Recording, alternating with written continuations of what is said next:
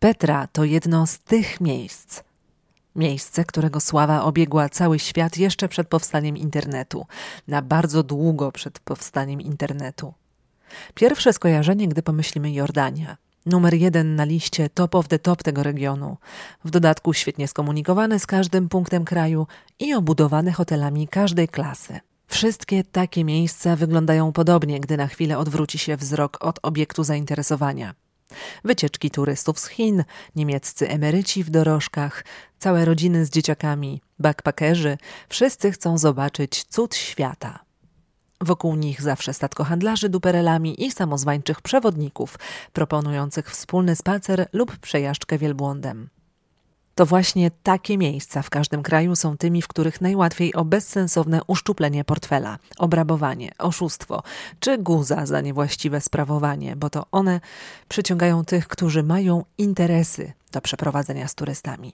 Serio, w wioskach na końcu świata spotyka się zazwyczaj tylko życzliwość i empatię od miejscowych. Ale do rzeczy. Dostaliśmy bardzo dużo wiadomości od Was, które przytaczamy, pisownia nieoryginalna, dotyczących obecności w Petrze licznej grupy Beduinów, którzy otaczają turystów wchodzących do antycznego miasta. Psują cały klimat, są straszliwie natrętni, narzucają się, zdzierają gdzie się da, każą sobie płacić za pokazanie ścieżek, które są na mapie. Żeby to wszystko było takie proste. Kim są Beduini z Petry? Całe życie Beduinów z plemienia Bedul, którzy mieszkają w samej Petrze lub w jej najbliższych okolicach, toczy się wokół jednego z cudów antycznego świata. Historycznie lud ten zamieszkiwał te tereny już od czasów Królestwa Nabatejskiego, partycypując w rozwoju regionu i jego stolicy, Petry właśnie. Przez wieki, podobnie jak w przypadku większości Beduinów w całej Jordanii, ich edukacja sprowadzała się do nauk przekazywanych w Koranie – a głównym zajęciem pozwalającym na przetrwanie w ciężkim klimacie była hodowla zwierząt, głównie kus, owiec, wielbłądów, czasami też koni i osiołków, a także rolnictwo. Ich sytuacja zaczęła się zmieniać dopiero pod koniec XX wieku, kiedy rząd Jordanii przesiedlił lokalne plemiona z samej Petry do pobliskich wiosek w związku z włączeniem ruin antycznego miasta na listę światowego dziedzictwa UNESCO. To oznaczało olbrzymie zmiany w życiu tej przywiązanej do unikatowej specyfiki życia w Petrze społeczności, która dodatkowo musiała obserwować rozwój branży turystycznej wokół Petry, konkretnie w okalającym ją mieście Wadi Musa, który to rozwój kompletnie ich pominął.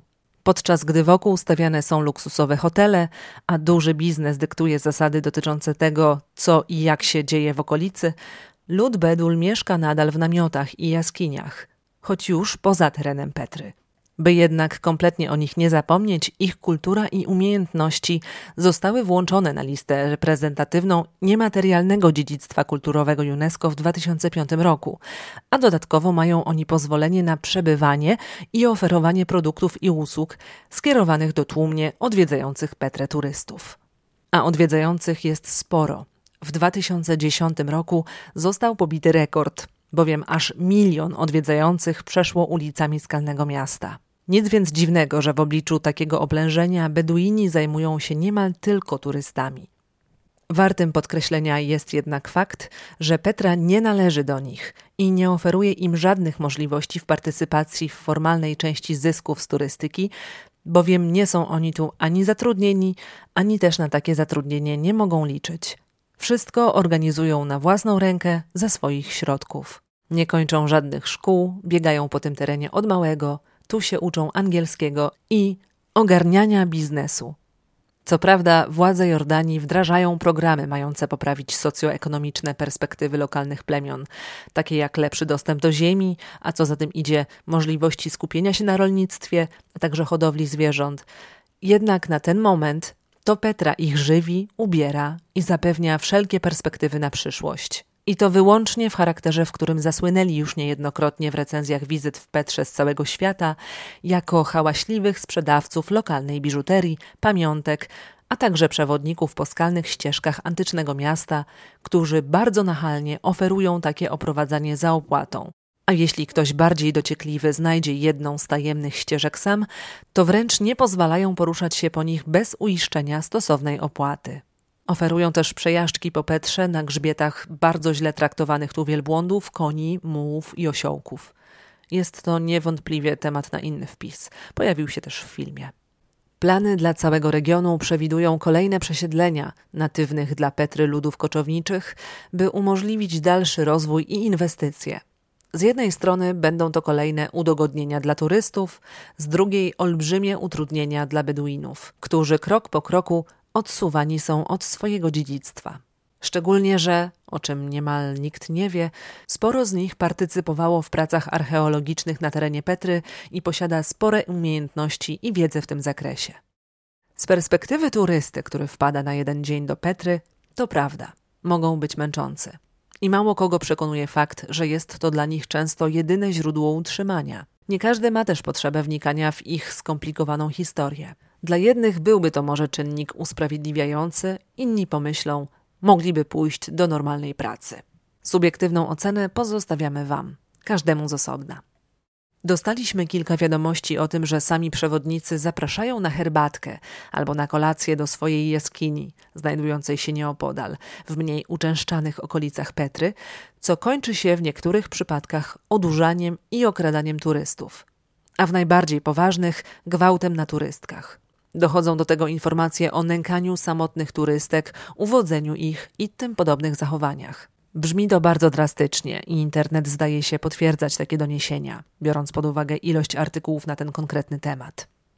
Należy tu jednak podkreślić, że doniesienia te są publikowane najczęściej na forach i prywatnych blogach, dlatego też potwierdzenie ich jest kompletnie niemożliwe. Szczególnie, że w Petrze byliśmy tylko jeden dzień i nie mieliśmy żadnych negatywnych przygód.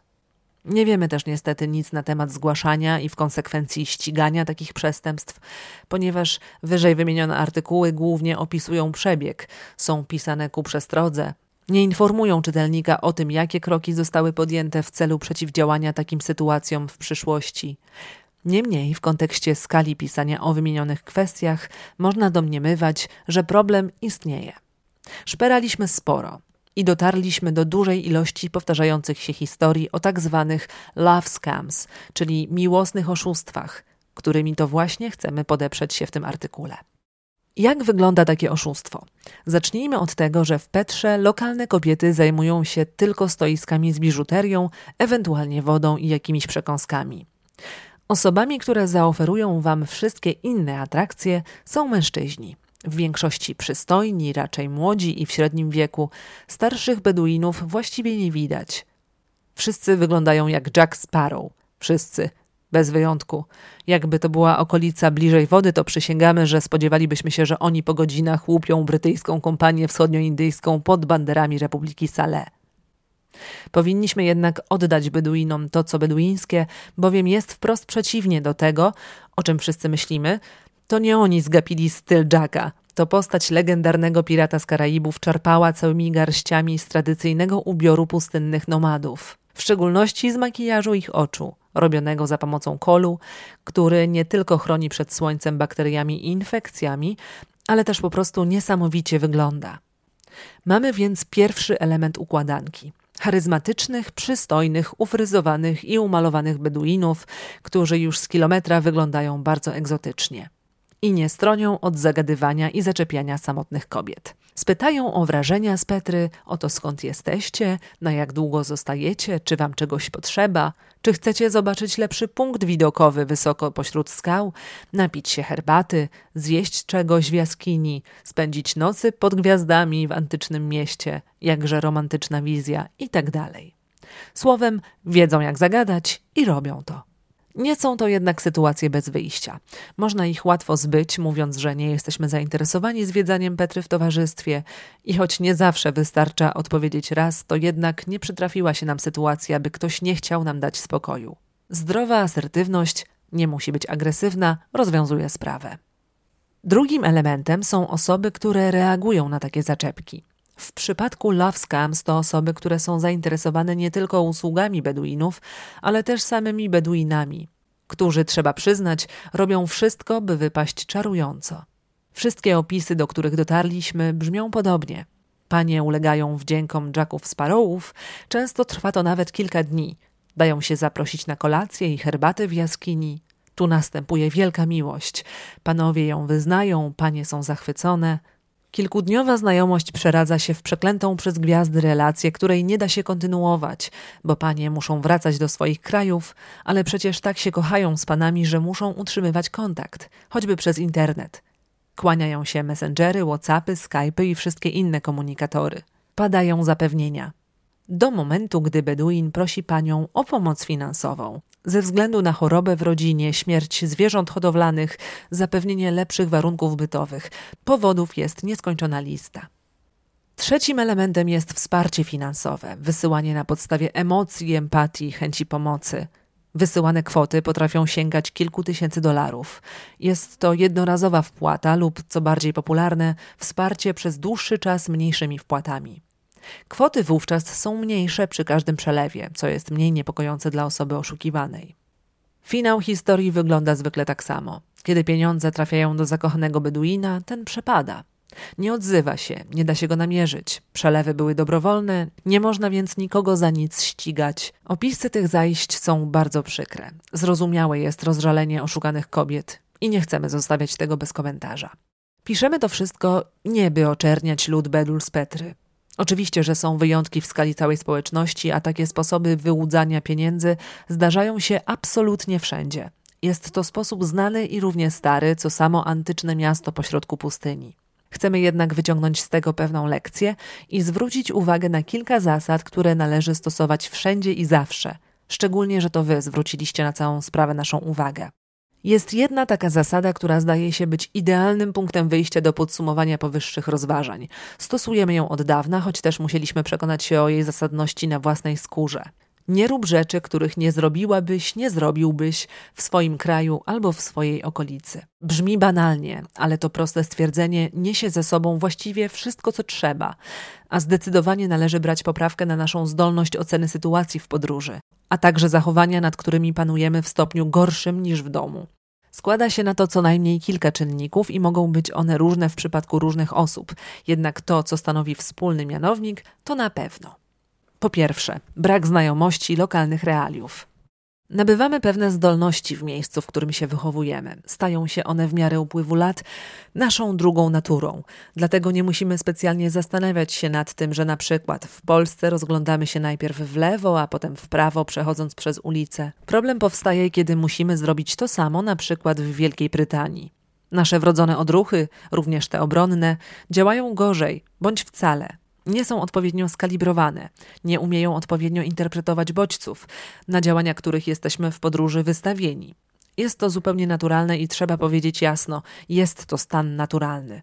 Od tego, żeby nas na pewne rzeczy przygotować, są biura informacji turystycznej, przewodniki, internet i osoby, które były już w miejscu, gdzie się wybieramy, tudzież stamtąd pochodzą. Kto pyta, nie błądzi. Serio. Po drugie, dezorientacja. Jesteśmy z natury niewolnikami swoich przyzwyczajeń. Jest takie badanie, które jasno potwierdza, że wchodząc do jakiegoś pomieszczenia po raz pierwszy, powiedzmy, że będzie to klasa w szkole, wybierzemy instynktownie jakieś miejsce do siedzenia. Kiedy odwiedzimy to miejsce ponownie, to na 95% znów usiądziemy w tym samym miejscu. Tak samo jest w miejscu, gdzie na stałe mieszkamy. Mamy utarte ścieżki, którymi chodzimy po zakupy do pracy czy z psem. Wybieramy te same tramwaje, autobusy, korzystamy z tych samych przystanków i sklepów, w których produkty są na tych samych półkach co zwykle. Stąd też dłużej zajmuje nam zrobienie zakupów w sklepie, którego nie znamy. Czynności te przestają wymagać myślenia o nich. Wiemy, gdzie musimy iść, żeby dotrzeć do często uczeszczanych punktów na naszej codziennej mapie. Kiedy tej rutyny zabraknie, czytaj, jesteśmy w nowym miejscu, wszystko, czego doświadczamy, dzieje się po raz pierwszy. Nie wiemy, czy autobus z lotniska faktycznie jedzie tam, gdzie chcemy dotrzeć, a jeśli nawet, to czy nie przeoczymy odpowiedniego przystanku. Nie wiemy, co można kupić w lokalnym sklepie, tudzież ile zapłacić, chociażby orientacyjnie taksówkarzowi. Ponownie, research może okazać się najważniejszym, co robicie przed wyruszeniem w podróż.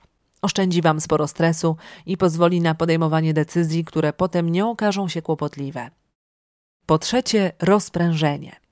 Wakacje mają dość specyficzny klimat. O ile nie planujemy wspinaczki na Mount Everest, przy okazji czego jest mało przestrzeni na wyluzowanie się, to jedziemy pewnie wypocząć. I niezależnie od tego, czy całe dnie będziemy chodzić z aparatem i robić zdjęcia, czy planujemy przeleżeć urlop na plaży z drinkiem w ręku, skupiamy się mocno na zmaksymalizowaniu poziomu przyjemności płynącej z takiego wyjazdu.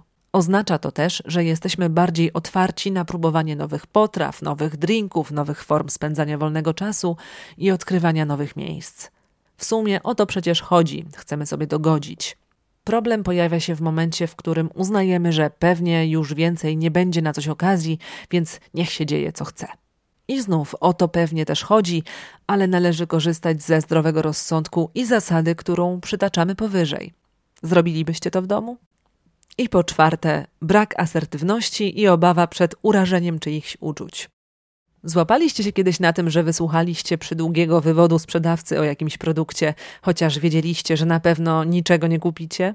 My też.